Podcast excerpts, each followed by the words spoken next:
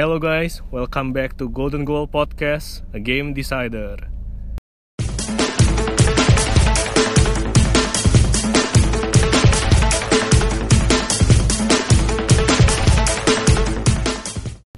Oke, jadi hari ini kita lagi kedatangan tamu. Ayo kenalin diri. Ya, gue Kevin, gue temennya mereka semua Baru diundang ke podcast ini Ya podcastnya juga baru satu kali episode makanya kan. Ya jadi hari ini eh, biasanya karena kita berempat karena hari ini juga Hans lagi ada acara juga dia lagi naik gunung dan DT mungkin lagi sibuk kerja jadi hari ini kita lagi eh, manggil teman gua yang lagi sibuk mengerjakan skripsinya itu. Oke deh, pertama-tama kita akan bahas tentang match paling menggemparkan seluruh dunia kemarin yang terjadi dengan hasil yang Liverpool sangat menarik. Villa. Waduh, itu fully deserve ya hasilnya. Eh, agak deserve sih cuma ya nantilah kita bahas di belakangan aja Oke, kita bahas soal El Clasico yang mana udah sekitar 7 10 tahun lebih kali kali ya itu terjadi skornya 0-0. Sudah lama tidak terjadi, Hmm. terjadi kembali. Kira-kira dari pandangan Eh, tapi kebetulan juga tamu kita ini fansnya apa Fans Barca Tapi gak terlalu expert kayak teman kita Hans Oke. Kalau dari pandangan Bung Kevin, kira-kira kemarin man of the match-nya siapa atau pemain yang paling berpengaruh gitu? Beberapa? Sebenarnya sih pemain berpengaruh ya kalau kalau gue lihat sendiri ada Fede Valverde sama Casemiro kalau gue lihat sih. Tapi di pihak Barca ya sendiri itu gue lihat Ter Stegen sih yang heroiknya Hmm. kemarin. Kalau dari Kevin sendiri, eh Kevin, dua Kevin ya.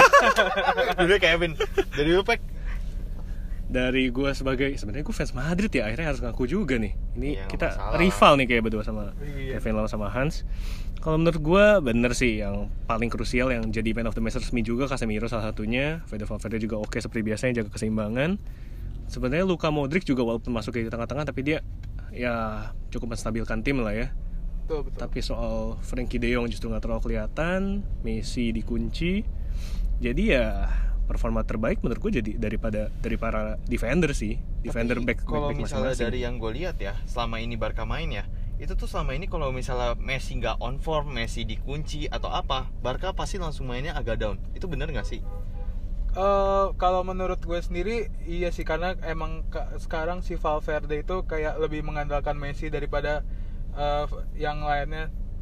Eh, mungkin gimana ya kalau dibilangnya iya sih kayak terlalu bergantung pada Messi sih kalau Hmm. gue bilang dibanding ada Suarez sama Griezmann yang di depan sampai Griezmannnya sendiri kemarin turun Turun jauh ke belakang. jauh ke belakang Hmm. jadi back sayap Bagus Eh, sih. dari diri lu sendiri nih lu kan fans Barca nih Iya, Kevin iya. ya gue sebut lu Lau aja Kevin Lau kan iya iya betul dari lu sendiri kan lu fans Barca nih Lau Eh, lu itu ada di pihak Valverde out gak sih? Eh sebenarnya jujur sih gue kurang suka sama permainan Valverde cuman gimana ya kayak eh gue sih sebenarnya pengen si Valverde keluar Karena dia cuma bener-bener kayak Messi sentris banget kan Membuat iya Barca jadi udah Messi gitu sentris kayak gaya permainannya juga kurang seru kok gue bilang Tapi jangan Iya. lupa loh, Valverde bisa bikin Barca juara La Liga berkali-kali kan. Eh, iya sih cuman ya sebenarnya tergantung opini masing-masing sih kalau dari gue sendiri gue kayak gak suka permainannya karena terlalu mengandalkan beberapa orang dan lebih jarang keluarin pemain muda sih walaupun sekarang pemain mudanya ya udah lumayan dikeluarin kayak si Ansu Fati Tapi yang gue dengar cuma yang benar-benar kedengaran sebenarnya cuma Ansu Fati kan. Tapi sebenarnya kalau yang gue tahu Barca tuh Alena juga sering main ya. Alena dulu sering dimainin tapi entah kenapa sekarang jarang dimainin juga sih belum terlalu dulu- belum terlalu siap juga kali ya karena banyak pesaing sih di midfielder sebenarnya. Kayak Rakitic kayak jam jam bermainnya kebagiannya udah nggak terlalu banyak sih ya kayak dulu. Mm-mm. Terus apa kabar? Arturo Vidal masih nggak sih di Barca? Masih Masih. kemarin dia nggantiin si Itu lumayan bagus ya mainnya ya. Gantiin Iya, Roberto lumayan. kalau nggak salah. Ganti. Eh, Semedo ya, Semedo. Gantiin Semedo. Jadi Roberto ditarik ke sisi back Kanan. sayap kanan. Oke, dari PK sendiri sebagai fans Madrid agak puas nggak sih lihat performa Zidane? Kalau Karena kayak gue lihat Madrid Barca ini performanya tuh nggak se eksplosif dulu loh. Kayak kadang bisa aja seri sama kalah. Apakah dari tim La Liganya sendiri, tim-tim papan bawah La Liga udah mulai kayak EPL tuh ya tim-timnya. Jadi kayak udah mulai bisa bersaing ngalahin tim-tim gede atau memang Barca Madrid yang nggak perform. Atau iya atau justru mereka mereka jadi terlihat perform karena Barca Madridnya nggak terlalu superior gitu ya. Mungkin bisa dua-duanya ya. Kalau menurut gue sih dibanding Barca Madrid tuh lebih transisinya lebih ekstrim sih. Di mana banyak dia kehilangan pemain bintang contoh kayak kemarin kita tahu Ronaldo dan sekarang banyak main baru. Emang butuh waktu sih. Jadi kalau dibilang puas puas atau gak dengan Zidane sebenarnya ya sebagai fans Madrid yang kita tahu fans Madrid dan Barca gitu ya standarnya kayaknya tinggi banget di mana kita kalau per tahun kita cuma megang satu piala itu kayaknya udah jadi standar gitu biasa aja nggak malah dihujat ya. Iya nggak outstanding gitu jadi kayak juara Copa del Rey kayak biasa aja. Mungkin kalau- atau mungkin tuh Barca doang kali ya kalau Madrid kayak juara juara La Liga kayak seneng banget udah lama soalnya. Hmm. jadi kalau dibilang puas sih enggak tapi masih mau kasih waktu sih karena dia ngebentuk bond sama pemainnya juga kayaknya lumayan oke dan dia dap uh, pemain muda dapat pengalaman juga dan dia bisa ngembaliin Isco juga ke posisi terbaiknya sih. Maksudnya walaupun memang memang nggak seperti yang dulu yang saat juara Liga Champion tapi udah cukup lebih baik daripada pas zamannya dipakai sama si uh, pelatih sebelumnya. Dan ya nanti kalau Hazard udah fit juga mungkin kita bisa lihat kira-kira bagaimana si Zidane ngembangin pemainnya juga sih. Jadi kalau dari menurut nih, gue lagi membahas Zidane dulu nih ya. Zidane kan dulu sempat keluar ya, keluar terus masuk lagi ke Madrid lagi kan. Sebelum dia keluar, dia kan sempat uh, hat trick juara UCL kan. Mm-mm. Nah, dari situ gue pengen nanya, itu tuh sebenarnya faktor Ronaldo atau faktor Zidane yang membuat Madrid bisa juara hat trick UCL? sebenarnya kalau kita lihat Ronaldo juga em, emang dia kontribusinya besar ya tapi kalau dibilang faktor Ronaldo dia cuma salah satu bagian dari tim sih yang nggak segede Messi di Barca sih jadi dia nggak jadi pusat permainan malah kalau gue lihat dulu dia playmaker Madrid itu di saat dia sukses di Eropa kalau nggak ya Cruz Modric kalau nggak ya Marcelo sih. Salah satunya yang dia start start dari belakang itu dari Marcelo ke tengah ke Ronaldo. Jadi dia bukan pusat permainan tapi emang dia terbaik di posisinya sih. Jadi ya lebih ke faktor kekompakan tim juga sih sama cara Zidane ngeramui juga menurut gue sih oke ya. Hmm. walaupun ya kita nggak bisa ngelihat prestasi pelatih cuma dari tiga tahun mungkin ya perlu waktu jangka panjang juga sih Oke. Dari kemarin kan kayak episode lalu kita udah bahas nih ya prediksi-prediksi drawing UCL. Oh, Tapi iya. nampaknya cuma satu yang kejadian. ya emang sebenarnya nggak mungkin bisa diprediksi karena itu kan random ya cuma Iya. satu tim bisa ketemu 5 sampai enam tim Tapi sebenarnya kalau ada league-league-nya kita bisa prediksi sih dengan gampang. Karena kan sekarang ini kayak Champions League ini banyak banget league-nya. Iya. Kayak dua tahun lalu kayak prediksi banget kayak Roma ketemu Liverpool, terus Madrid ketemu Madrid ketemu siapa ya dua tahun lalu? waduh siapa Aduh, tuh ya gue lupa sih. ATM ya? Kalau nggak salah. Oh, dan juga kan di Champions League ini kan ada aturan baru kayak misalkan yang dari satu grup itu gak boleh ketemu dari di satu grup itu sendiri dan nggak boleh juga Hah, itu antar- bukannya udah lama? udah lama kali itu Udah lama. kok gue kayak Bantar ya itu udah lama ya maksudnya satu Iya. grup ya, itu nggak bisa ketemu sama runner up satu grup itu Ah. sama yang nggak bisa ketemu di satu, Satu liga, liga, ya. baru Satu bisa liga ketemu sama- di uh, quarter final di delapan besar betul. quarter Jadi final ya bukan hmm, semifinal ya quarter final quarter Oh, final oke. tahun lalu kan City Spurs ketemu Hmm. ya jadi kita coba bahas aja kayak drawing drawing yang udah terjadi Eh, yang pertama Dortmund PSG Dortmund PSG Eh, menurut gue ini agak cukup tricky buat Dortmund Betul. kenapa ya Dortmund itu performanya lagi kayak unstable sih menurut Hmm. gua apalagi PSG kan kita lihat kan merajai League One Tapi ini match sebenarnya juga walaupun PSG ngerajain Ligue 1 ya, ya lihatlah komposisi tim PSG eh Betul komposisi sih. tim PSG gimana dan juga komposisi dari Liga Ligue 1 itu League One sendiri. Kayak ya udahlah Farmers League kan. Tapi emang PSG ini ngeri juga sih di mana selain dia bahkan kembalian Neymar gitu yang udah cukup lama absen dan kedalaman kedalaman skuadnya PSG ini udah mulai mantap sih sekarang sih kayak kita lihat strikernya ada Cavani cadangannya ada di ada belakang Sarabia ada Ander Herrera bahkan itu yang Playmaker mungkin nggak ya. terlalu banyak main nih padahal tapi dia Padahal dulu dia dulu di MU tuh dia adalah Bagus. pemegang kuncinya. oh, loh. satu-satunya Sekarang- satu-satunya main yang bagus dia waktu itu ya Waktu itu iya, enggak Pogba dulu masih oke lah. Iya. Walaupun dia Sama ekspektasi Gea ya. Pogba itu terlalu tinggi ke kita. Eh, kita tuh selalu berekspektasi Pogba tuh menghasilkan performa yang selalu bagus. Hmm. Sedangkan di MU emang kurang sih. kalau buat Dortmund Paris ini mungkin masih ke contohnya ke Paris sih ya tapi emang Dortmund juga track recordnya di UCL lumayan Main ngeri bagus. juga sih heeh. Kalau menurut gua, kalau kita lihat dari track record track record UCL ya, favorite ya Dortmund sebenarnya Hmm. di sini. Walaupun secara performa PSG emang lebih bagus, tapi ya kita nggak ada yang tahu. Tahun lalu aja PSG bisa kesingkir sama Man United yang nurunin tim lapis duanya. Betul, betul Banyak banget pemain-pemain muda ya, main-main kayak baru abis pulang SMA langsung main lawan PSG. yang video-video handnya Kim Pembe sampai di play berkali-kali nggak hilang-hilang ya di bawah-bawah terus Cuma ya kalau dari gua, gua eh, lebih favor ke P- eh, Dortmund sebenarnya di sini Hmm. karena gua tidak melihat PSG itu PSG itu hampir mirip sama City sebenarnya. Mereka sama-sama belum punya mental di Eropa Hmm. dengan cara permainan yang sebenarnya emang udah atraktif dan menarik, tapi mental mereka tuh belum kebangun. Sedangkan kayak Dortmund ini, Dortmund ini adalah finalis 2012-2013 tahun lalu. Hmm. Walaupun emang kesingkir sama Bay- Bayern Munchen. Bayern Munchen akhirnya jadi juara pas itu. PSG kalau nggak salah udah lama nggak pernah masuk quarter final ya Eh, iya kan ya dia masuk cuma 18 18 eh, Iya. 16 besar ya gue nggak inget-inget banget sih ya quarter final dia terakhir kapan ya. Ada yang pas lawan Barca kalau gak salah dulu, yang pas masih ada Pedro di Barca. ada ya sekali lolos ya di Nggak lolos sih. Sekali lolos ke Knockout. quarter final sih Hmm. yang gue inget juga dulu 2000 sebelum Pep masuk sih Hmm. City PSG pas itu. Yang Ibrahimovic ngomong saya tidak tahu Manchester City tapi disingkirkan Manchester City abis itu. ya udah kita lanjut ke yang prediksi kita bener aja kali ya. Yang Napoli Barca itu ya. Poli Barca Ya orangnya lah nggak ada sih yang prediksi Hmm. itu ya. Jadi kayak di sini gue lebih condong Barca tetap Iya. 80-20 karena juga didukung sama faktor Napoli di Serie A juga kurang gitu bagus walaupun di UCL dia bisa di satu-satunya tim yang bisa ngalahin Liverpool Hmm. dan nahan seri Liverpool di Anfield ya kalau nggak salah nahan seri Iya. Mm-mm. dan juga kayak eh, tapi kenapa gue masih bilang Napoli masih punya chance 20% ya kembali merujuk dengan beberapa dua tahun lalu di saat Roma juga nggak begitu bagus-bagus juga kan pas itu di Serie A kalau nggak salah dia masih peringkat 3 peringkat 4 mungkin tapi dia bisa ya itu terjadilah skor 4-4 itu Hmm. agregat Kostas Manolas menit 80-an Hmm. Dan Kostas Manolas sekarang di, di Napoli. dan Oh iya. Di Napoli. oh iya. Tapi emang agak susah sih untuk eh, Napoli dengan pelatih barunya yang sebenarnya nggak bagus-bagus banget ya. Tadi ya Ancelotti diganti tapi jadi Gennaro Gattuso sebenarnya kayak agak downgrade gitu sih kalau kita lihat sekilas sih untuk menentukan dominasi Barca yang ya begitu lah ya.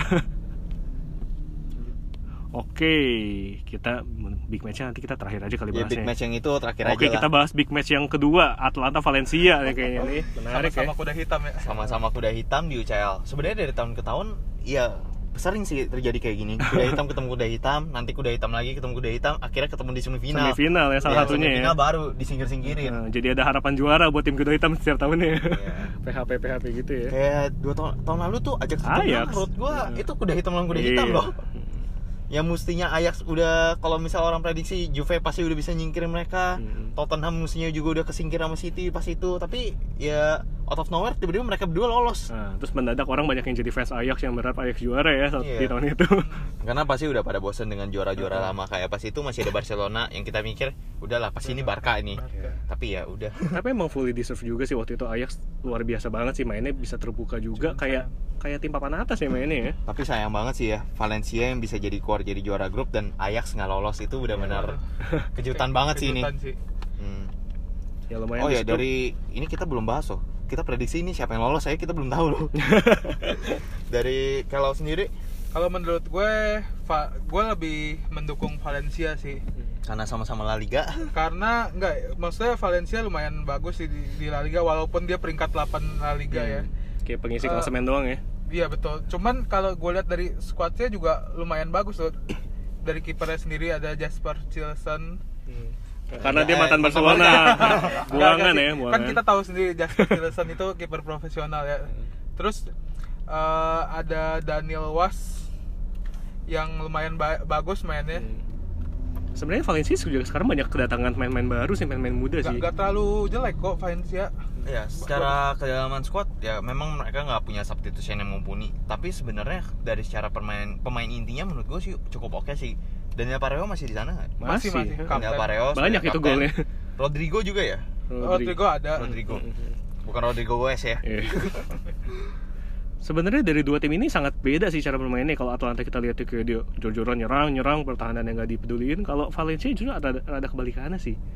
Kalau Valencia Eh, saya lihat Valencia lebih kayak- balance Iya, lebih balance ya benar dibanding Atalanta yang Atalanta sering banget loh di Jatuhnya lebih ke defensif sih, average-nya. mereka udah nyerang terus abis itu di comeback Iya. bisa jadi 3-2 lah 4-3 kalah Jadi menarik sih di sini kelihatan kira-kira tim yang menyerang dengan atraktif atau yang menjaga keseimbangan permainannya gitu ya. Kalau saya sih lebih contohnya ke Atlanta ya. Hmm, kalau dari gua gua sama kayak Kelau sih Valencia gua dengan balance nya gitu karena Atlanta itu agak sedikit riskan tidak mempedulikan belakangnya Mm-mm. Tapi belakangan sih dia performanya lagi top banget sih kayak di Mereka top UCL form dia kan? comeback ya. ya UCL comeback loh dari Top form. 9 poin mereka hilang hangus di awal-awal langsung bisa kayak form Atalanta di UCL tuh mulai meningkat saat mereka bisa Nansri City Hmm. yang saat kalau nggak salah kayak Walker jadi kiper bukan sih itu yang gitu heeh. Yang City tuh mencari mencari hasil imbang waktu itu ya. Iya. Sebagai tim papan atas dia mencari hasil imbang ya. Lama-lamaan buang waktu. Oke, kita lanjut berikutnya. ini aja nih nih Apa? yang David dan Goliat nih David dan gue lihat Atletico. Juvelion, Juvelion. Oh, Juvelion. Atletico mah waduh kalau kita ngomongin Juvelion Juventus sih kayaknya ya susah lah ya kita melihat lagi. peluang Lyon ya. ya nggak ada yang tahu Ajax tahu. Juve tahun lalu kayak gimana betul Hmm. Tapi di atas kertas tetap Juve di atas sih. kertas tetap Juve Ditambah lagi bintang utama Lyon Memphis Depay cedera lama ya. oh Jadi iya kayak, itu juga ya lagi-lagi kolektivitas tim sih yang bisa terjadi di sini sih. Nggak mengandalkan satu pemain doang. Tapi sebenarnya penyerang-penyerang Lyon lumayan lumayan sih ada Moussa Dembele, Bertrand Traore, Cornet dan lain-lain. Ada Martin Oh, Terrier Cornet- juga. Cornet sih menurut gue cukup bagus sih mainnya tahun lalu Uh, tapi emang enggak grup. ya nggak konsisten juga sih di liga bahkan dia terseok-seok juga tapi sebenarnya faktor utamanya ya kembali di Memphis Depay. Menurut Mm. gua eh favornya benar-benar ke Juve sih. 95 banding 5 sebenarnya. Jauh juga ya. Favornya ke Juve jauh. Dan Lyon ini pertahanan juga bocor banget sih di belakangnya. Jarang banget dia clean sheet yang pertahanannya itu. Terus ini ada yang menarik sih. Ini menurut gua satu match yang paling menarik menurut gua kedua menarik. Hmm. Tottenham sama Leipzig. Oh. Itu juga menarik Kayak ini bukan ini bukan sarkas, bukan sarkas, ini benar menarik menurut gua. Benar, benar, benar.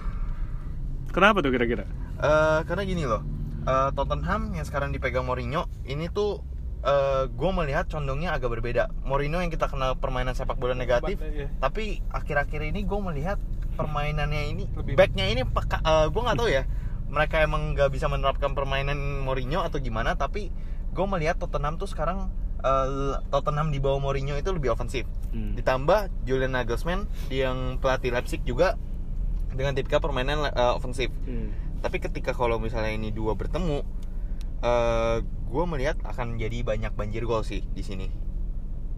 Hmm, mungkin Tottenham mulai tobat juga kali ya dari permainan eh, Mourinho yang Mourinho sebelumnya. Mungkin ada juga faktor di mana Daniel Levy ini sebagai pemilik klub, bisnismen juga, kemarin dia ekspansi stadion, dia bagusin fas- fasilitasnya, mungkin dia sedang mencari fanbase kali ya. Pelan-pelan supaya nanti timnya mulai perekonomiannya naik, dari situ mulai Jadi prestasi mulai Daniel Levy ya. tuh kayak lebih fokusnya mencari fanbase bukan Iya. mencari performa tim.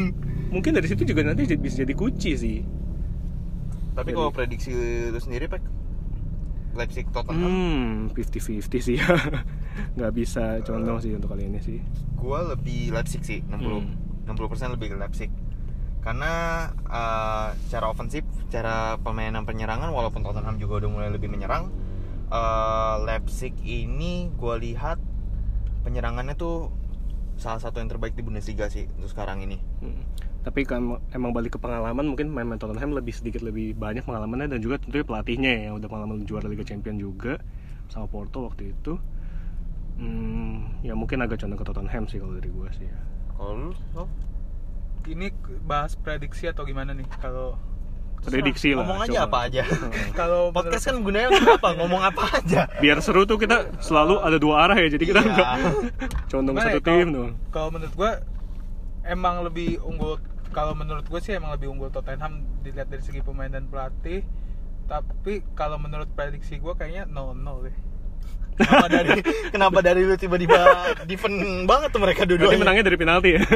Em, ya mungkin.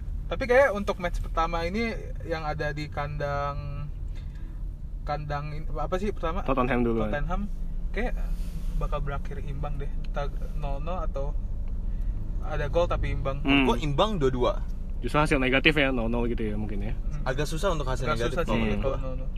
0-0. Oh ini ternyata yang juara grup ditaruh di sebelah kanan semua ya. Ya, yang juara grup selalu jadi main di tandang dulu di awal. Karena advantage bagi mereka advantage kalau mungkin ada peluang extra time di kandang sendiri ya. Sebenarnya dengan aturan gol tandang ini gue ngelihat agak aneh gak sih? kayak banyak banget tim-tim kesingkir karena aturan gol tandang kayak undeserved menurut gue Hmm. sih. Kayak kalau dari gue sih kayak harus ada ada review ulang lagi sih tentang aturan gol tandang ini. Mungkin sebenarnya itu hemat waktu atau gimana kali hemat tenaga ya karena kalau nggak ada gol tandang tentunya bakal sering banget terjadi extra time. Mungkin kayak kita lihat di extra time permainan bisa seru, bisa juga malah kayak negatif. Kita mau nyerang takut, mau nyerang takut akhirnya dioper sampai penalti gitu kan. Tapi menurut gue kalau misalnya nih ya, kayak kayak kemarin lah si Tottenham lah tahun lalu si Tottenham itu kan gol tandang kan. Hmm. Tapi menurut gue kayak masih belum bisa menentukan itu Hmm. siapa yang jadi siapa yang terbaik di antara eh, dalam dua game itu. menurut gue lebih baik ya ya penalti tetap Hmm, jadi gua. jadi taktis banget sih kalau Iya. soal gol tandang ini sih ya. Karena kayak misalnya gol tandang itu ya kita bahas tahun lalu aja yang City Tottenham yang benar-benar kayak ada masalah VAR lah, ada masih ada masalah sakit hati lah itu Bung Ocin ini masih sakit hati lah ya. Enggak, bukan bukan di sakit hatinya maksudnya kayak em, gol tandang ini kayak menurut gua kayak menjadi eh, di leg pertama ya itu Pep Guardiola nggak menurunkan tim utamanya Hmm. bener-bener nggak menurunkan tim utamanya Eh, dia masih pas itu Mahrez masih jadi cadangan dan dia menurunkan Mahrez sedangkan eh, dia udah kalah nih ketinggalan 1-0 dia baru masukin Kevin De Bruyne, Leroy Sané itu di menit 88 Hmm. kayak udah nggak mencari kemenangan dia kayak udah mencari ya udah kita usaha aja dulu tahan aja 1-0 dulu Hmm. dan dia di leg kedua baru benar-benar menyerang habis-habisan Iya. tapi ya ada apa ya apa yang bisa dilakukan VAR berkata Hmm. pinggangnya si Lorente yang ngegolin udah gitu Laportenya juga blunder mulu ya ya udah karena menurut gue di sini gol tandang ini sedikit ya nggak bisa menentukan apa-apa sih menurut gue Hmm. Balik lagi kalau menen- menentukan strategi sih ujung-ujungnya sih ya. Jadi kayak hitung-hitungan lah jadi pelatih itu gimana untuk menyikapi timnya bermain. lalu Oke. oh ini ada misi balas dendam nih Bayern Chelsea Wah, Waduh. dia Drogba ya. Ya Drogba penalti Waktu itu masih ada Lampard main ya, yang Masih, masih, pelatih ya. masih. Masih. Menarik sih ini. sekarang Fever eh, menurut gue Bayern sih Iya. kayak bayar 70-30 Bayern Bayern Bayern sih ya. Mm. Karena dari konsistensi di tiga champion sih. dan Chelsea ini adalah young guns-nya Lampard kan Hmm. banyak banget pemain-pemain muda yang belum pernah turun di UCL bahkan banyak banget yang baru tahun ini adalah main di EPL pemain EPL Nah, itu juga mungkin- Abraham, Mason Mount Hmm. Mereka bisa bermain lepas sih mungkin positifnya ya. Jadi dan gue melihat ya. pemain Chelsea ini agak di bawah tekanan performa performa mereka tuh akhir-akhir ini agak down banget semenjak Hmm. mereka kalah dari City mereka agak down kayak kalah dari Bournemouth kalah dari West Ham West Ham loh yang sama ini selalu kalah-kalah mulu Iya. Inkonsisten sih ya tim ya. menurut gue ada masalah di tekanan mereka karena Chelsea kan transfer bandnya dilepas kan Hmm. kayak pemain-pemain utama mereka itu kayak pemain-pemain yang lagi utama sekarang ini kayak lagi panik aduh nanti gue diganti nggak ya nanti gue digantiin siapa nih transfer band dilepas kayak sekarang ini Chelsea lagi ngincer striker banget kan Hmm. kayak menurut gue kayak performa Tammy Abraham juga menurun kan ada faktor mungkin ada faktor tekanan juga sih menurut gue di Tammy Abraham karena banyak banget Chelsea itu ngincer striker Timo Werner nggak Hmm. mungkin lah Timo Werner menggeser apa Tammy Abraham gak Iya, iya, iya. posisi utama itu mau menggeser Timo Werner yang nanti Beli buat jadi cadangan ya. Iya. Ngapain ya? Timo Werner mahal loh Tapi sebenarnya kalau keperluan transfer sih dari belakang juga perlu sih. Chelsea ini memang perlu ngerombak ya. itu Kurcoma nggak bisa dipertahanin kayak Emang tapi dari Chelsea juga selain dari faktor mental dan lain-lain, mungkin juga nih kalau menurut saya dia performanya awal-awal baik karena emang belum ada tim yang predik cara main dia seperti apa. Sedangkan sekarang orang mulai memandang, Tammy Abraham mulai terkenal, banyak gol dan lain-lain. Uh, playmaker juga kita pada mulai mulai ketebak gitu cara mainnya. Jadi em, tim-tim mediocre pun bisa nahan gitu ya. Jadi mungkin nggak bisa bertahan sampai akhir musim sih performa Chelsea yang di awal di awal-awal baik ini khawatirnya sih ya. Sedangkan kalau Bayern ya walaupun ada fluktuatif sedikit tapi kita lihat lah bahkan di UCL dia kalau nggak salah rekor gol terbanyak ya 18 poin dia. Banyak banget. dia ya. 18 poin. Padahal ada rekor golnya juga kalau nggak salah. rekor golnya juga banyak. Ya iyalah 72 berapa kali gitu skor luar berarti biasa ya. dari kalau sendiri ada prediksi apa dari Bayern Chelsea? Eh, kayak Bayern sih. Kirain Chelsea biar seru lah gitu ada yang beda. gimana ya abisnya raksasa Bundesliga ini lagi di performa terbaiknya sih kalau menurut gue. Apalagi yang kita lihat Lewandowski eh, 19 gol ya dari 19 16 gol di. Bundesliga 30 gol totalnya dan masih Desember Hmm. masih Itu- Desember itu sih gua, udah gila banget sih sebenarnya Kalau nggak salah dia pemuncak eh, ini ya perebutan bola apa kok sepatu emas ya iya Betul. Golden Boots sama Timo Werner ya kalau salah nomor duanya. Hmm. ini yang Bundesliga atau secara Secara umum. secara umum Hmm, hmm. Emang nggak ada nggak ada Messi nggak ada Ronaldo. nggak ada Nggak ada. Jamie Vardy Vardy nomor 5 hmm, Ada siapa ya? Ada siapa ya? Mbappe jelas lah soalnya nomor satu Lewandowski dua Werner ya. tapi menurut gua Mbappe perlu pindah sih Oh sama Immobile juga Iya. ada. Mbappe perlu pindah nggak Iya. menurut? Mbappe terus pindah Sooner or later lah ya.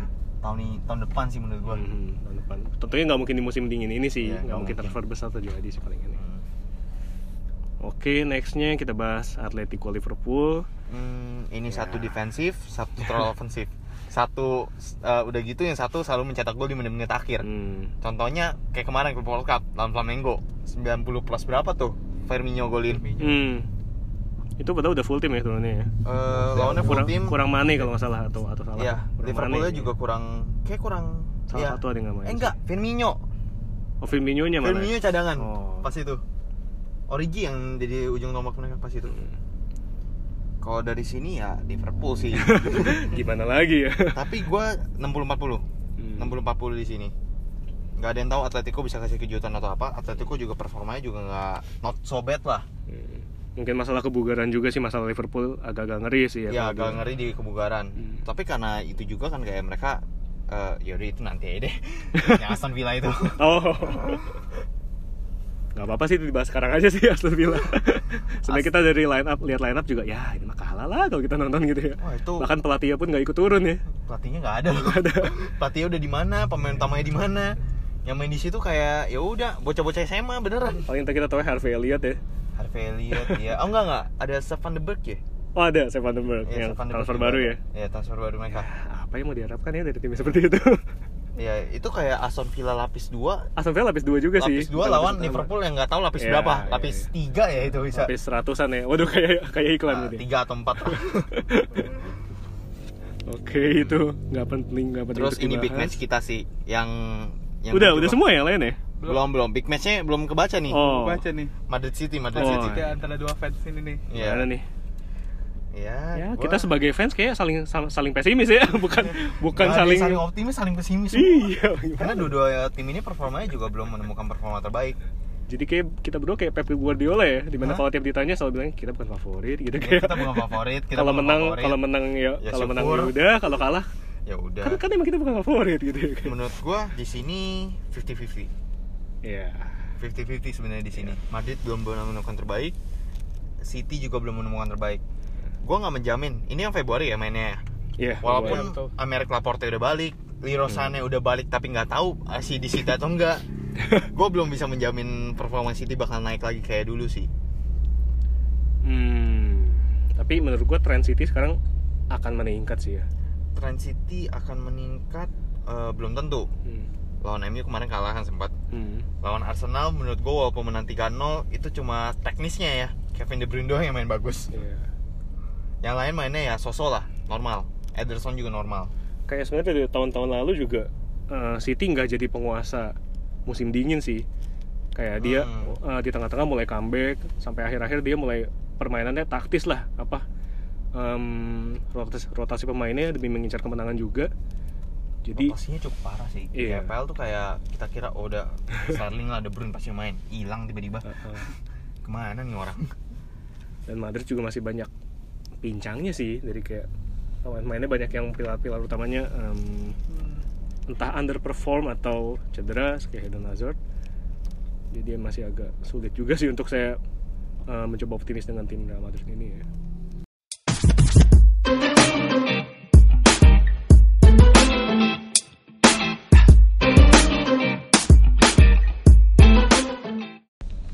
Nah, sekarang kita bahas ke liga yang paling populer lah ya, IPL. Kita mulai dari topik terhangat minggu ini mungkin di mana penantian para fans Gunners akhirnya terjadi. oh udah lama sih sebenarnya terjadinya sih dipecatnya ya tapi bukan Dipecatnya sih udah lama. dipecatnya udah lama sih Tapi penggantinya yang nggak tahu. pengganti tapi pengganti juga kemarin sedih gitu kayak dapetnya Freddy yang Jungberg Hmm. dan sekarang kayaknya eh, lebih sedikit berpengalaman dia jadi asisten pelatih City juga waktu itu Mikel Arteta dan dia minggu ini bakal ketemu Dengan- Everton ya Belum tentu. Seingat gua Winberg yang masih akan megang. Oh, gitu? Lawan Arsenal. wah. Dan Everton juga masih dipegang Duncan Ferguson Ferguson, ya. Di saat di mana lagi banyak isu kencang kalau Carlo Ancelotti tuh akan megang Hmm. Everton. oke Kalau dari pertandingan ini menurut gua Arsenal Everton ya dua-duanya adalah ya udah pelatih eh, dua-dua pelatih ini akan melatih terakhir kali untuk Arsenal dan juga untuk Everton Hmm. bisa ya menurut gua bakal menarik sih ini. Hmm. Tapi menurut gua performa Arsenal juga Lagi kurang ba- lagi bagus. kurang bagus walaupun ada Jelek mungkin banget. suntikan moral untuk Hmm. pemainnya gua nggak ada yang tahu. Eh, dan Everton juga sebenarnya dari kemarin dia bisa udah nyeriin Chelsea eh Hmm. ngalahin Chelsea ya ya tapi dari dulu Everton naik turun sih performanya ya ya naik turun sih sekarang aja masih peringkat berapa ya 13 atau 12 ya kalau salah wah jauh ya kayaknya tapi Hmm. Arsenal ini juga sedang banyak sih masalahnya dari belakang masih belum beres oh ternyata peringkat 16 oh 16 ya dekat zona ya zona luar biasa ya. naik lo gara-gara udah bisa nggak Waktu itu sering-sering. sempat masuk zona degradasi sih awal-awal sih. Iya, jadi tetap seperti itu ya performanya. Arsenal juga di depannya masih rada tumpul, di mana justru akhir-akhir ini berpegangnya pada Alexander Lacazette ya. Eh, Yang enggak, cukup banyak. Alexander. Lacazette juga masih dicadangin Masih berkali-kali. dicadang. Iya. Dicadangin lebih ke. Aubameyang kayaknya sih Aubameyang pun juga kadang-kadang udah mulai Nggak banyak gol juga banyak sih. gol juga. Jadi kayak ya udah udah mulai random ini. Kayak kadang-kadang dari corner sih kadang-kadang golnya. emang kalau Arsenal sih kalau gue lihat dari backnya juga kurang gitu bagus ya kurang- Jelek lah ya. walaupun pemain-pemainnya kurang bagus bagus bener sih. Itu kacau. kita ngomong eh, halusnya saja oh, takutnya nggak apa-apa lah ya, fans Gunners kita semua tim kita. Fans Gunners pasti ngerti juga lah So- iya kacau. sih. walaupun pemainnya lumayan bagus ya namanya seperti David Luiz Skordan Mustafi Namanya bagus, cuma performanya tuh kayak siapa ya? Skuadron Mustafi nggak bagus sih. Eh, namanya bagus, namanya bagus loh. Bagus. Itu nama masih nama timnas Jerman Oh, loh iya, itu dulu. juara ya, ya, juara Iya, World. Cup ya. Oke. Eh, kalau Bernleno lumayan lumayan sih lu sih kata gue bagus sih. Berleno tuh save-nya terbanyak. save terbanyak Save-nya Oh, terbanyak? di EPL. Oh, sama Matt Ryan kalau nggak salah ya. Mm-mm. Berleno, Aaron Ramsdale, tapi itu itu udah menandakan Ah, backnya yang iya. kacau. Tim-tim yang kayak begitu ya, yang Tim-tim yang kiper save banyak itu backnya kacau berarti. tuh Asper Michael sama Ederson mah nggak ada ya. Ederson, ya backnya juga lagi kacau sih. Dan back-back Arsenal juga kayaknya lebih ke offensive minded sih, kayak Kieran Tierney sama Bellerin atau Kolasinac siapa? juga. Maitland. Niles, nah, semuanya Hmm. Sebenarnya cukup bagus sih untuk bukan- majunya ya. Maitland bukan back sayap bukan Malah sih? bukan back ya awalnya Bukan ya. back sayap oh, setahu winger gua. ya. Kayak dia dia mirip Zinchenko sebenarnya, dia bukan Hmm. back sayap. Ya, ya kalau kita lihat dari Everton kan ada si Theo Walcott yang bakalan balik eh, melawan timnya tapi kembali. kemungkinan nggak main ya. Enggak bakal main. Itu formasi udah patem sumpah Richarlison. Oh justru yang kembali bukan Theo Walcott, Alex Iwobi coy. Oh ya maju. Iwobi, ya. 40 juta loh itu. Ah, dan mungkin nggak main Dikata- juga. Iya, eh, dikata-katain lo dulu Iya. pas dia Alex Iwobi ke Everton kayak Surplus ya? pinter jualnya. Oh, surplus ya? Iwobi bisa 40 juta. David Luiz 8 juta doang juga waktu itu kita praise juga ya. Iya, Arsenal tuh emang dari tim emang segi bisnisnya bagus sumpah. Sama kayak Tottenham sebenarnya, segi bisnisnya lumayan. Tapi emang dari saya bintang utama Arsenal masih Auba. Genduzi sih. Oh, sih ya? Genduzi stabil banget cuy. Iya sama Aubameyang tentunya ya, sama Berleno. Tapi ya Guendouzi emang mainnya bagus sih. Arsenal tuh sebenarnya mereka tuh formasinya aja sih kayak mereka tuh kok belum kayak nggak paham gitu nggak sih positioning mereka di mana Iya. banyak banget kayak mereka nyerang tuh ini kosong banget Kadang-kadang juga yang harusnya di eh, di sayap dia taruh center atau kebalikannya agak kebingungan juga sih dia untuk ngeramunya. Padahal Arsenal nih tim yang Main. mainnya harusnya terbuka gitu, bukan tim yang ada counter, counter attack gitu ya dari dulu. Jadi masih perlu waktu juga sih. waktu untuk mengembalikan ke zaman-zaman Arsene Wenger di saat masih bagus ya. Iya. Arsene Wenger masih masih bagus. bagus. Dan juga sebenarnya eh, ini buat konekin aja buat match selanjutnya Leicester City lawan Manchester City. Hmm. Kemarin kan Arsenal sempat lawan Manchester City juga kan. Hmm. Menurut gua tuh Arsenal ini ini bukan City emang menang 3-0 ya, Hmm. tapi ini bukan faktor City yang main bagus nggak gua. sebagus itu ya City mainnya biasa aja menurut gua Arsenal yang mainnya buruk Hmm. Iya, mainnya buruk. lalu kemarin dengar-dengar si Everton ini ada kasus aneh di pemain yang cuma masuk berapa menit ya oh iya Moise Oh, Kean iya, ya Moise Kean. jadi tuh Duncan Ferguson ya pas lawan MU dia menit 70-an 70-an tuh dia masukin Moise Kean kan masuk terus menit 89 atau 88 Moise Kean ini ditarik keluar kenapa gitu ya kira-kira? Alasannya apa tuh? Eh, kalau yang gue denger sih alasannya dia kayak membuang-buang waktu gitu supaya menahan tim biar gak apa sih maksudnya biar gak mempertahankan keunggulan maksudnya iya, imbangnya itu ya? ma- ma- iya memaksimalkannya wa- waktu. Tapi harus dia gitu yang ditarik kayak pemain lain berguna selain dia ke sana ya? Jadi Iya sih, kayak yang masuk dia gitu loh. dia. Menurut gua ya sih ini bukan lebih kekasihan lagi sih. Ini bisa menurunkan kepercayaan diri Ah, Moise ah, ah, juga. bener. Moise Kean itu baru starting dua kali tau gua. Hmm. dua kali tiga kali di 16 pertandingan yang mana ini, ekspektasinya apa- lumayan ya. Ekspektasi Moise Kean tuh tinggi banget. Ah. di mana di Juve aja dia bisa bagus gitu. Hmm. walaupun emang masih ketutup Ronaldo Dybala dan lain-lain. Mandzukic juga pas itu kan. Waktu itu kan dia bersinarnya saat dia Juventus lagi udah pasti juara Hmm. jadi dia dimainin terus dia bisa buktiin sih gitu. Ya, tapi kalau misalnya dengan kayak begini Moise Kean ditarik keluar kayak di cuma 15 menit dari substitution ditarik keluar nggak ada masalah cedera nggak ada masalah Iya. kartu. Permainan juga ya udah emang begitu dan Duncan Ferguson alasan bawa waktu ini benar-benar akan merusak kepercayaan diri Moise Kean ke depannya akan gimana Hmm. menurut gue sih lebih baik kalau gue jadi Moise Kean ya gue mending keluar kecuali kalau dia open minded ya mungkin Iya. kayak ini demi kebaikan tim gitu dia sebagai Ya. pemain muda masih perlu banyak belajar bahkan Duncan Ferguson tidak ngomong apa-apa ke Moise Kean-nya. nggak tahu lah ya kalau di klarifikasi. yang terjadi di belakang ruang ganti mungkin seperti apa oke nextnya mungkin kita bahas yang paling menarik sih ini pemuncak oh bukan pemuncak sih peringkat 2 dan 3 ya Iya. Leicester sama Manchester City kira-kira gimana Bung Ocin prediksi objektifnya ya mau objektif musuh objektif sebenarnya ini Match City sih musuhnya. Man City sih ya Man City sih Hmm. musuhnya. Walaupun tandang ya, tandang Leicester. Leicester ini menurut gua secara performa ya mereka emang masih bagus, masih menang-menang aja. Kemarin baru terakhir ya sama seri lawan Norwich eh tapi ya bukannya kandang City ya kan kandang City ya kandang City atau kandang Leicester City ya? kandang City kandang iya kandang City Oh kandang City ya? Hmm, hmm, hmm. Ya sebenarnya nggak ada beda sih. Mau di kandang City mau di tandang City mainnya begitu udah. fanbase nya nggak se ekstrim itu juga ya mereka berdua ya So, ya nggak se ekstrim itu dan City juga sekarang performa kandangnya juga belum sebagus itu, sebagus tahun lalu dan dua tahun lalu dan selama itulah. Menurut gua di sini City tuh eh dari kemarin gue lihat performa pemainnya tuh kurang begitu kembali kayak tahun lalu ya. Mungkin karena ada masalah eh, mereka dari dua tahun ini selalu main terlalu forsir banget, banyak banget match-match yang mereka mainin dari dua tahun lalu. Mungkin waktu istirahat dari yang bertahun eh, waktu istirahat mereka juga kurang. Udah gitu juga dari Bernardo Silva yang tahun lalu adalah pemain yang terbaik City. top banget lah ya Top banget lah ya Bernardo Silva nggak ada nggak ada yang ngeraguin dia walaupun emang nggak balon dior atau gimana. Cuma Bernardo Silva ini menurut gua bener-bener terjadi penurunan cukup drastis menurut Hmm. gua ya. Performa Bernardo Silva tuh nggak banget.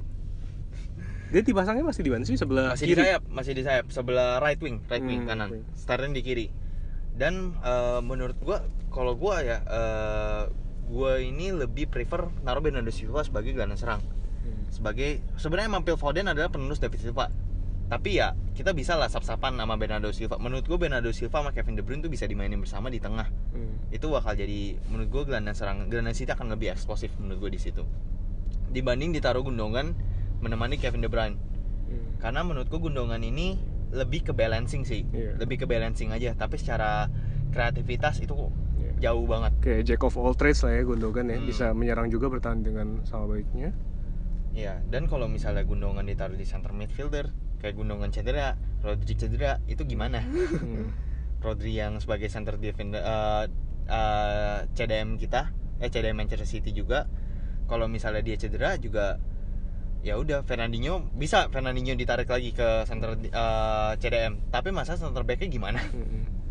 Hmm. harus kayak Walker ya di situ du- berduet mungkin kalau bertiga dia oke ya Ya, berdua sebenarnya dari Kyle Walker sendiri Kyle Walker bisa loh jadiin center back. Hmm. Cuma ya kembali lagi, gue bukan Pep Guardiola yang bisa menentukan segalanya.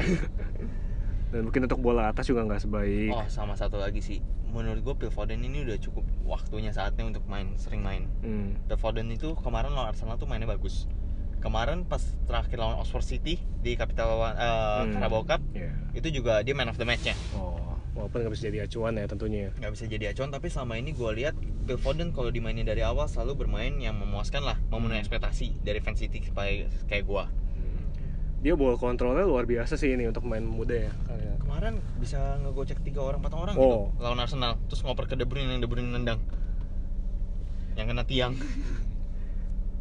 Kalau Angelino sendiri gimana nih?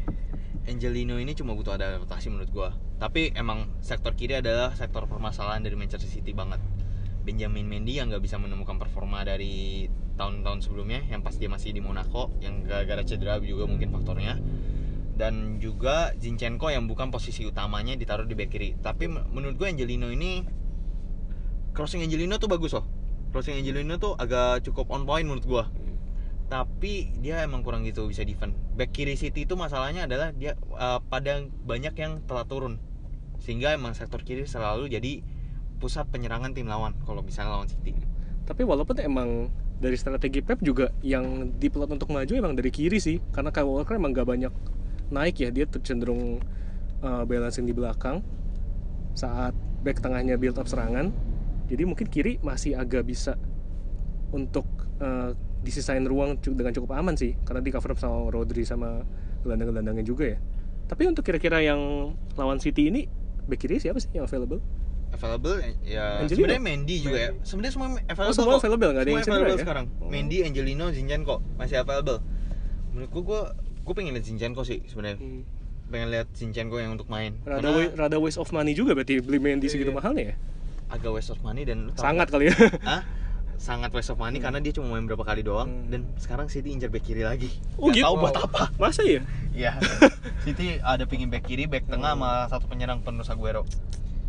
Dan juga sebenarnya kalau misalnya kita lihat dari permainan City sendiri, ya gue melihat agak aneh sih karena mereka tuh selalu sering banget crossing main atas, Hmm. crossing atas, corner crossing atas kayak gak ada yang bisa nyunduh coy. Biasanya itu kekurangan opsi sih terjadi karena ah udah kepampet nih tengahnya Dip- dipenuhin nggak nggak ada ruang untuk half space atau umpan terobosan jadi ujungnya ke sayap crossing coba Nah, dari sekian meter. permasalahannya adalah crossingnya crossing tinggi. Hmm. Gak ada yang bisa nyundul di City. Hmm. Kalau nggak salah lawan MU atau siapa yang dia kalah 42 crossing ya tapi nggak ada yang berbuah ya. nggak ada yang berbuah dan City tuh jarang banget nyetak gol dari corner bener jarang banget dulu mungkin masih ada karena Zeko dan Negredo itu striker emang striker jangkung tinggi badan gede kan sekarang ini striker City opsi- opsinya cuma dua Aguero dan Jesus Iya. Yesus. Yang Sterling mungkin bisa ditarik tengah itu nggak ada yang bisa nyundul Iya. Jesus mungkin bisa Aguero bisa tapi mereka tuh bukan yang Ya kalah fisik lah kalah ya. Oh, fisik iya. ya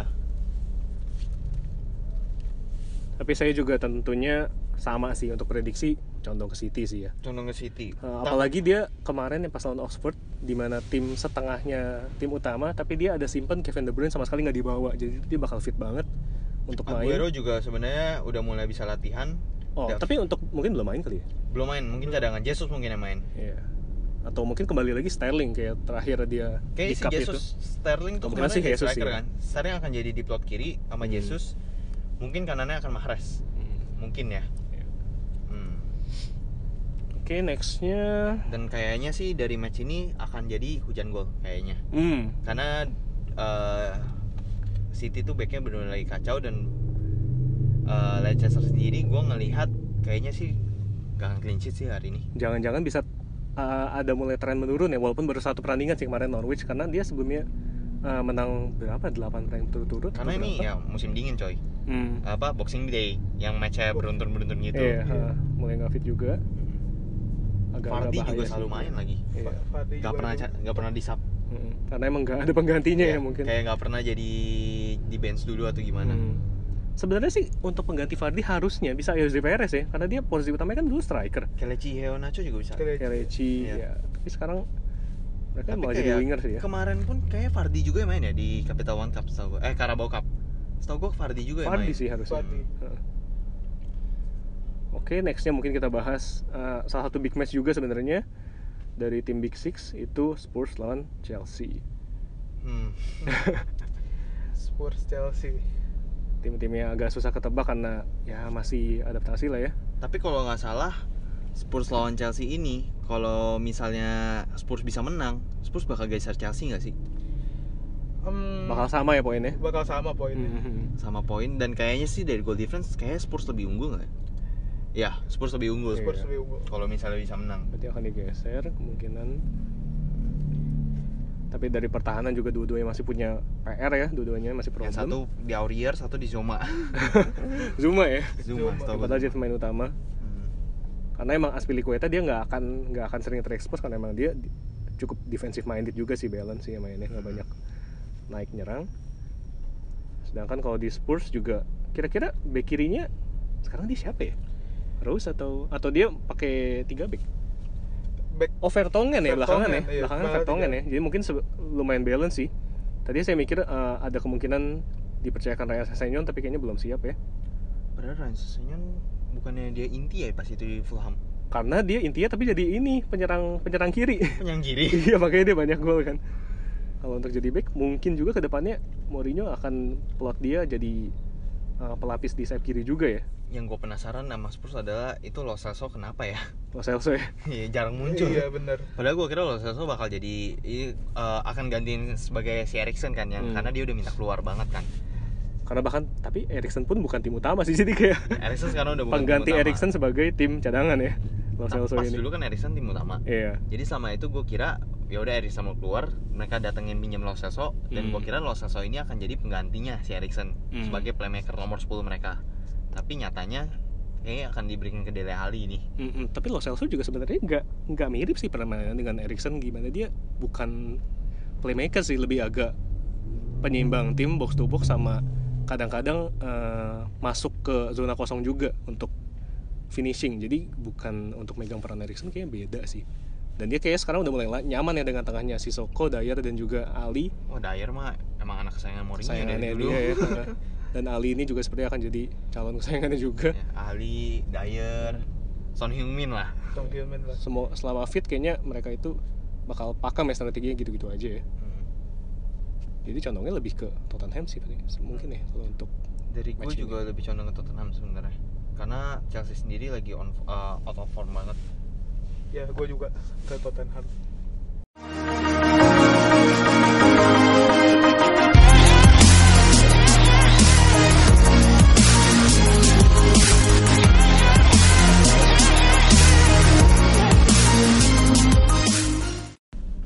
Nah berikutnya buat para pemain FPL nih kita bakal bahas pemain-pemain yang potensial untuk 1 sampai kira-kira 3 atau 4 fixture berikutnya. Kira-kira siapa sih yang menarik untuk kita rekrut dengan harga yang murah juga. Tentunya dari episode lalu masih berlaku ya, di mana ada pemain dari Crystal Palace sama Aston Villa itu masih cukup appealing lah, Tapi walaupun kemarin satu-satu ya seri. mereka Mereka kayaknya nggak clean sheet deh yang back-backnya. Crystal Palace clean sheet ya? Kayaknya nggak clean sheet ya Crystal Palace kemarin. Oh, iya. Satu-satu sih. Satu-satu. Brighton ya. Oh iya. Aston Villa juga setahu gue. Aston Villa enggak. Nggak clean sheet juga. Hmm.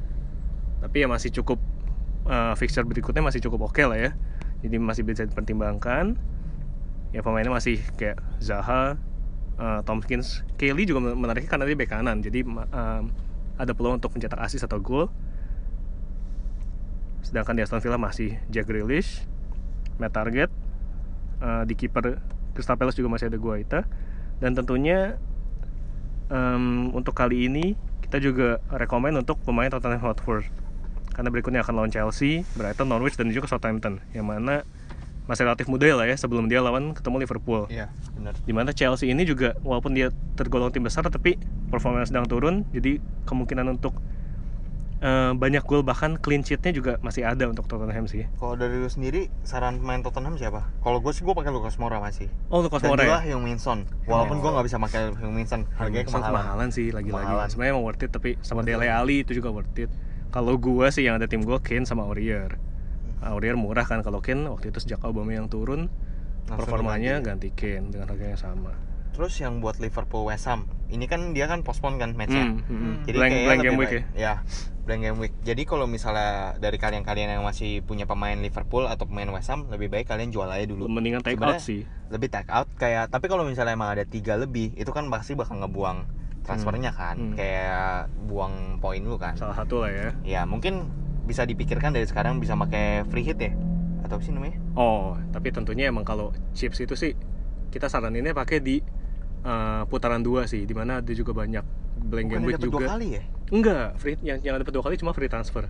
Jadi mungkin yang belum pakai free transfer ya silahkan pakai lah. Untuk kali ini mungkin tentunya itu free transfer buat masing-masing sih kapan butuhnya. Sedangkan kalau chips free hit captain dan juga bench boost kan sekali doang dalam semusim. Oh free sekali. Mm-mm, jadi Wildcard? itu wildcard itu dua kali. Oh wildcard dua Ah. kali ya? masing-masing putaran satu. Dan juga dilihat dari fixture juga nggak menarik sih. West Ham ini atau Palace, Leicester walaupun berikutnya ada Bournemouth, Sheffield, Everton. Ya 50-50 lah ya karena West Ham juga performanya nggak oke sih. Untuk depannya cukup tumpul belakangnya juga eh, brojol gitu ya jadi kayak wah agak-agak sih. Eh ada isu baru tau. Apa tuh? Luka Jovic mau dibeli West Ham? West Ham ya ampun. Luka Jovic gara-gara nggak pernah dimainin sedih banget ya Sedih main loh sering jadi pengganti tapi nggak apa-ngapain. Tapi nggak apa-apa kan, kayak kurang perform gitu kan. Kasih waktu kayak- lah. ya, Kurang Luka Jovic kayak.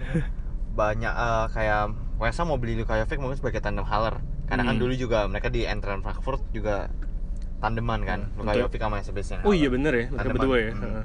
Atau juga ngasih em, kompetisi juga sih, karena sekarang Heller kayaknya nggak punya pesaing ya. Dia nyaman di depan nggak punya. nyaman di depan tapi nggak ngapa-ngapain juga di depan iya, makanya itu. Kalau mungkin dia dikasih pesaing kayak kan Albiana JT bisa ngapain sih gitu kan dia bakal tetap first team. Dan Lu- Liverpool juga Hmm? eh, lawan-lawannya agak agak susah sih. Walau agak susah kan sama ini dia selalu begitu. Menang aja di menit Iya, menang-menang aja tapi ya. pasang aja Mane atau Firmino atau Salah pasti Ngeri. mendapat poin. Ngeri sih dia blank game week terus berikutnya ketemu Sheffield eh apa? Leicester Wolves. Nah itu kan giant killer juga tuh. Sheffield Spurs killer. MU nah, agak-agak ngeri sih. Dan dia pemainnya banyak rotasi jadi kita nggak saranin sih untuk Liverpool menurut gua lebih ke Mane sih. Kalau Ah. misalnya mau masang Liverpool tetap Mane. Iya dan kalian pasti sebenarnya punya lah ya satu atau dua main Liverpool walaupun kita nggak saranin. Eh, gua nggak ada sih nggak ada. Oh gitu nggak ada? Nggak ada. ah pantas di bawah. Kayak pemain masih Liverpool- percaya Sterling gua. Iya. Tapi sebenarnya kayak Alexander Arnold atau Robertson bakal tetap main sih. Walaupun dia em, fixture apa pertandingannya banyak juga bisa ganti-ganti loh. Milner kadang bisa ganti Robertson. Bisa sih ya iya. sebenarnya. Tapi oke lah ya. Lalu MU Watford waduh gimana ya saya mau mencoba beri- memberi prediksi tapi Watford peringkat 20 loh tandang sih emang ya MU tandang harusnya sih condong ke MU tapi siapa sih yang bisa prediksi tim ini ya tuh jadi agak-agak Jadi kalau mau masang MU pakainya lawan tim gede. Kayak kemarin kan gue juga sempat bilang kan, MU sebenarnya ya perform bagus lawan City, lawan Spurs bisa menang. Tapi lawan Everton kayak orang-orang pasti bakal nyari kayak Rashford, Martial. Tapi gue pas itu juga bilang kayak ya nggak ada yang jamin karena biasa dia begini, Robin Hood. oh, kemarin yang gol Greenwood ya Ya, Robin Hood. Robin Hood Agak-agak kan susah dia. sih. Dia kayak Robin Hood gitu ngasih poin aja buat tim-tim yang udah mau degradasi. iya betul, betul. kalau mau mungkin, mungkin Watford bisa dimenang nih. Hmm. Kalau misalnya sistem Robin Hoodnya berjalan. kacau juga sih tapi kalaupun mau Hah? pasang sebenarnya ada yang worth it Anthony Martial sih Ya. harga yang oke walaupun dia 50-50 tapi pemain yang bagus lah ini fixture-nya gampang ketemu Watford, Newcastle, Burnley, Arsenal, Norwich ya kayak oke yang lah tahu. Heeh. MU. 50-50 lah ya Terus juga Martial eh, nggak selalu main kan, kalau nggak salah. kenapa gak pasang Ma- Rashford aja kalau Martial fit sih pasti main sih. Dan dia mainnya di ujung tombak Oh, ya teman kita nanya, Rashford. Rashford ya. Kan dia kayak paling banyak golin gitu betul sih dan dia ngambil penalti set piece. Ya tapi itu harganya agak terlalu mahal jadi untuk take a risk ya. Ya silahkan lah. Kalau kita sih nggak saranin ya karena, Karena dia menurut gue dari tiga striker itu Fardi kalau gue ya dari gue sendiri Fardi Abraham Jimenez. Hmm, tiga itu yang paling mungkin Abraham mungkin bisa gue pertimbangin lagi untuk Abraham tapi kalau Fardi sama Jimenez ini kayak menurut gue tuh oke sih udah Hmm. cukup oke untuk mendulang poin gue dibanding gue beli kayak Aubameyang atau Kane yang cukup mahal tapi Hmm. juga nggak menjamin juga 6 poin. Betul. betul. Minimal. Ya itu tergantung strategi masing-masing sih mau nyep fullin di depan atau di tengah. Karena kan di tengah banyak yang menarik juga tuh Sterling, De Bruyne uh, ada Son, Ali dan Mane. Sekarang sih yang orang-orang rata-rata wajib pakai itu De Bruyne, Iya. Mane, Son. De Bruyne jarang ya makanya ya karena mahal sih. Mahal sih tapi Hmm. eh, dibanding semua pemain City De Bruyne itu yang paling mendulang poin paling banyak. Iya. bonus poinnya juga paling banyak De Bruyne. Walaupun dia agak-agak fluktuatif juga sih sekali bisa 20 poin terus 2 2 karena Kemarin- kan dia main di tengah ya. Padahal ke mana hampir hat trick loh. Ya mau pasang tuh udah. Poin gue 82 loh Kena langsung mistar itu. ya? iya kena mis- eh, di tepi Sleno dulu baru kena mistar terus juga masalah MU ini intermezzo dikit lah ya. Kalian kan biasa banyak banget yang nyindir Jesse Lingard Jesse Lingard. Oh.